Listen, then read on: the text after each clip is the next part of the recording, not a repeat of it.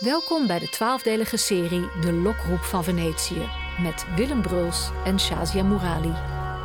Je luistert naar aflevering 6. Hotel Monaco, het casino en het masker. Willem, ik droomde jarenlang van Venetië en ik ben er geweest een jaar of tien. Ik zag alleen maar een toeristenmassa, kitschwinkeltjes. Ik heb de stad niet gevonden, dat gevoel dat ik... Ga jij mij het Venetië waar ik van heb gedroomd laten vinden? Er zijn die vele toeristen en die toeristenstromen en die winkeltjes. Maar als je één steegje naar links of één steegje naar rechts... Als je een heel klein beetje weet van de geschiedenis, van de muziek, van de componisten die hier geleefd hebben. Dat elke steen een, een verhaal heeft en dat elk huis een verhaal heeft. Je je vingers in dat water aan de onderkant. Daar zitten al die geheimen en al die Als je dat weet, dan wordt die stad opeens heel anders. Paradox van het masker is dat je gezicht bedekt, waardoor je in schijn, maar omdat je de vrijheid hebt, omdat je onherkenbaar bent, je eigenlijk meer jezelf wordt. Overdag ben ik Marco, maar s'nachts met een masker ben ik Giuseppe. Terwijl ze eigenlijk natuurlijk elkaar stemmen herkenden en, en wisten... Eén groot spel, één grote ritueel. Wijnzen, van net doen alsof... Volkomen theatraal. Volkomen theatraal. En de dogen vond het allemaal goed. Zo gedogen. Ik zou bijna denken dat het ervan kwam. Het cultiveren van de geneugten van de zintuigen is mijn hele leven mijn voornaamste bezigheid geweest. Nimmer heb ik een belangrijker doel gehad. Giacomo Casanova.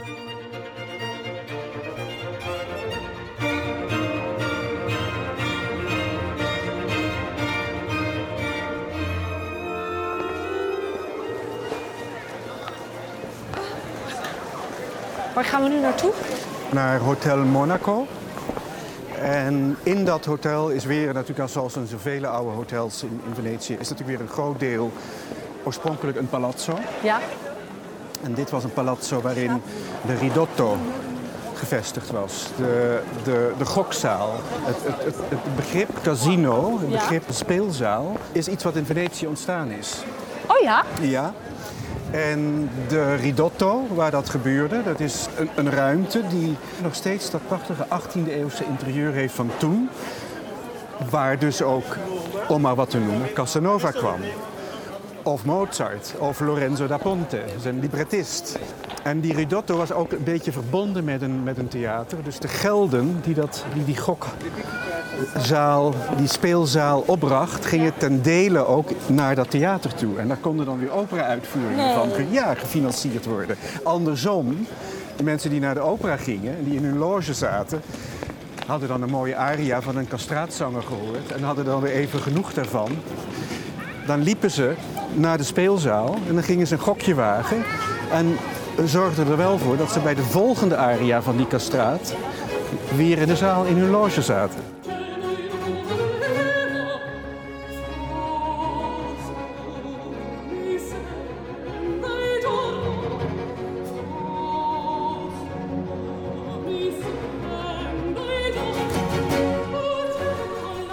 Oude ingang van het palazzo. Ja.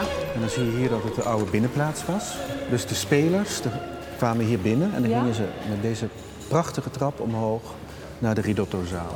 Willem, wat een ontzettend mooie vloer dit. Dit is een soort moderne versie van terrazzo met hele felle kleurtjes. Ja. Oranje, geel, blauw, lichtblauw, donkerblauw, rood.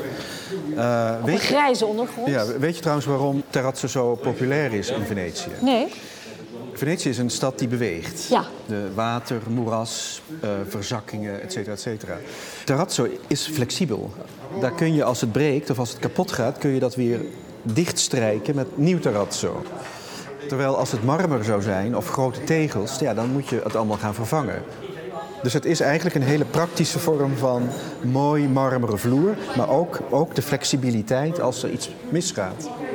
Daar komt Marco Moulargia. Hij is de events manager van het hotel. Hij gaat ons rondleiden. This is the Ridotto, uh, first public casino. And normally in this area come a lot of. Er kwamen hier allerlei mensen. Reizigers, handelslieden, courtisanes. Courtesy, zaten daar op het balkon. Je kon ze herkennen aan hun. Moretta, Een speciaal masker dat je vasthoudt met je mond.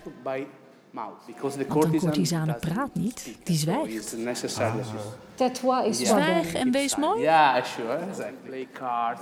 Beneden werd gegokt en vanaf het balkon keken de courtisanes toe en kwamen vervolgens naar beneden om de avond een ander karakter te geven. Success. Vind je dat niet bijzonder? Dat niet de man de positie heeft om de vrouw uit te zoeken, maar dat de vrouwen boven de positie hebben om de man uit te zoeken. Waarschijnlijk gewoon keken naar wie de duurste kleren aan had. Denk ik wel. Wie de meeste centjes op tafel legde.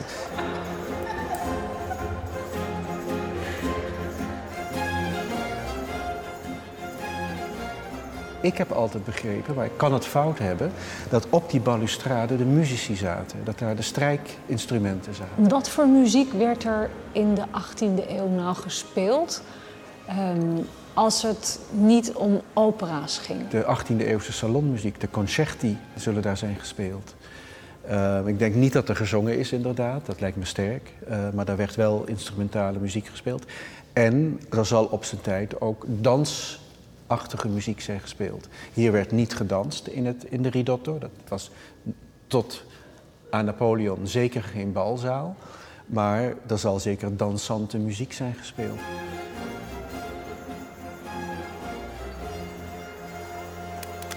Eigenlijk komt alle dansmuziek uit de Italiaanse volksmuziek. Eh, de, de tarantella is daar een voorbeeld van. Eh, die komt uit Zuid-Italië en dat werd dan, omdat het zo'n geliefde dans werd, werd dat ook kunstmuziek. En die beweging heeft ook hier plaatsgevonden.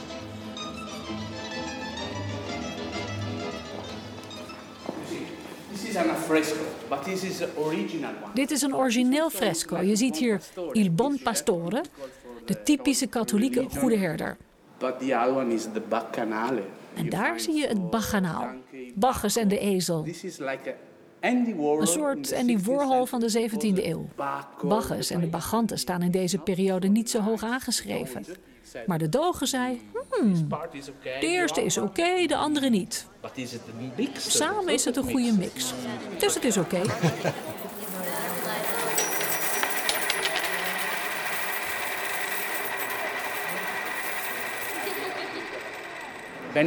Venetianen dreven handel met Joden, met Duitsers, met Turken. Uh, De doge was ruimdenkend. Toch was het niet zo wenselijk om bijvoorbeeld bij daglicht zaken te doen met Joden. during Maar the night, s'nachts, in het ridotto, waarom niet? Iedereen die hier kwam om te gokken of voor de liefde droeg een masker. Jacob, hoe laat ben jij in de ridotto? Zes uur? Oké. okay. Ik draag een geel masker. En jij? Rood? En waar sta je dan? Bij de pilaar? En Giuseppe en Jacob doen zaken. Maar overdag zegt Marco, Jacob, ik ken geen Jacob. Daarom ben je met een masker. Iemand, niemand en honderdduizend mensen.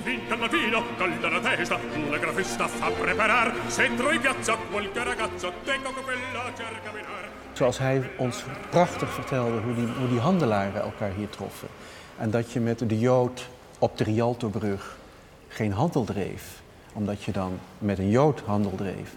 Maar dat die hier met een maskertje op, dat dat wel mogelijk was. Dat Eh, dat is natuurlijk een fantastisch verhaal. Maar zulke sociale netwerken die ontwikkelden zich hier ook op, op mu- muzikaal gebied. Die bijenkorf die dat sociaal-cultureel was, strekte zich uit op alle niveaus. En de doge vond het allemaal goed. Zo Ja. gedogen. Je zou gedoog- bijna denken dat Ja. het ervan kwam. Ja.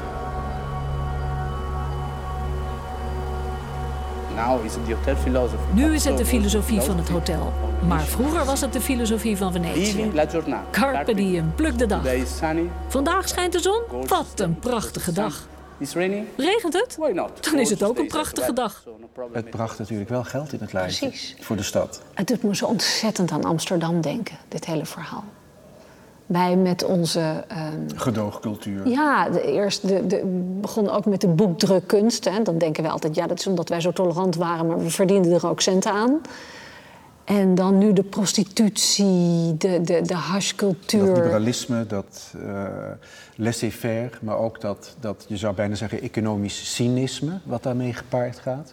Dat was in Venetië even groot en even sterk als dat nu in Amsterdam het geval is.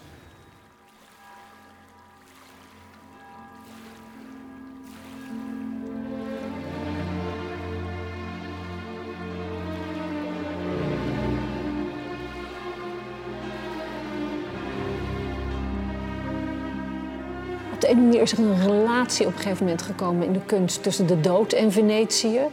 Of het nou is in de melancholie van Thomas Mann of, of de gruwelen van die film Death in Venice.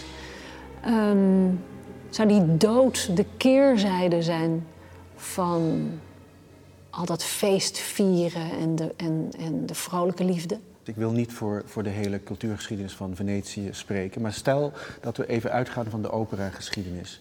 Dan heb je twee eeuwen, de 17e en de 18e eeuw, waarin het bloeit en geproduceerd wordt. En waarin de belangrijkste componisten ofwel Venetianen zijn, ofwel hier terechtkomen en de grote componist worden. Monteverdi, Cavalli, Vivaldi, Marcello enzovoort. Het is nooit één op één te verklaren, maar toch kun je zeggen dat het beeld van dood in Venetië, het beeld van Venetië als de stad van het verleden, van de grootsheid van het verleden, van de decadentie, van het daaropvolgende verval en van het genieten van dat verval en van die dood en van die verrotting. Dat begint bij Byron, begin 19e eeuw. Die ziet dat, die komt naar Venetië en die ziet die stad letterlijk vervallen en ten onder gaan. Dus je hebt twee eeuwen productie en schoonheid en grootsheid en decadentie.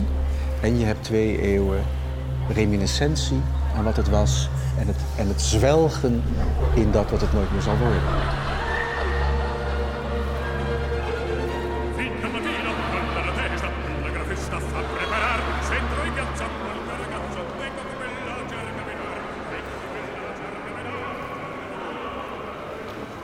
Nou, de ridotto heeft ons gebracht eigenlijk ook weer bij uh, ons vaste thema: lust, um, verlangen.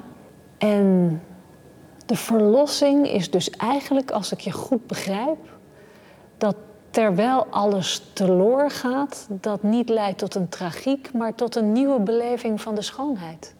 Een nieuwe beleving van de schoonheid en eigenlijk een soort zijns ondanks. Ik zit op de Titanic.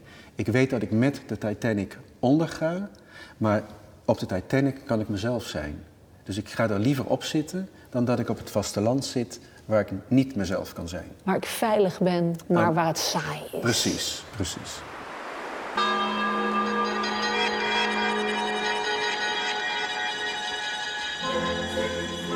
In de volgende aflevering zoeken Willem Bruls en ik naar Multisala Rossini. Waar nu die bioscoop is, stond ooit een beroemd theater.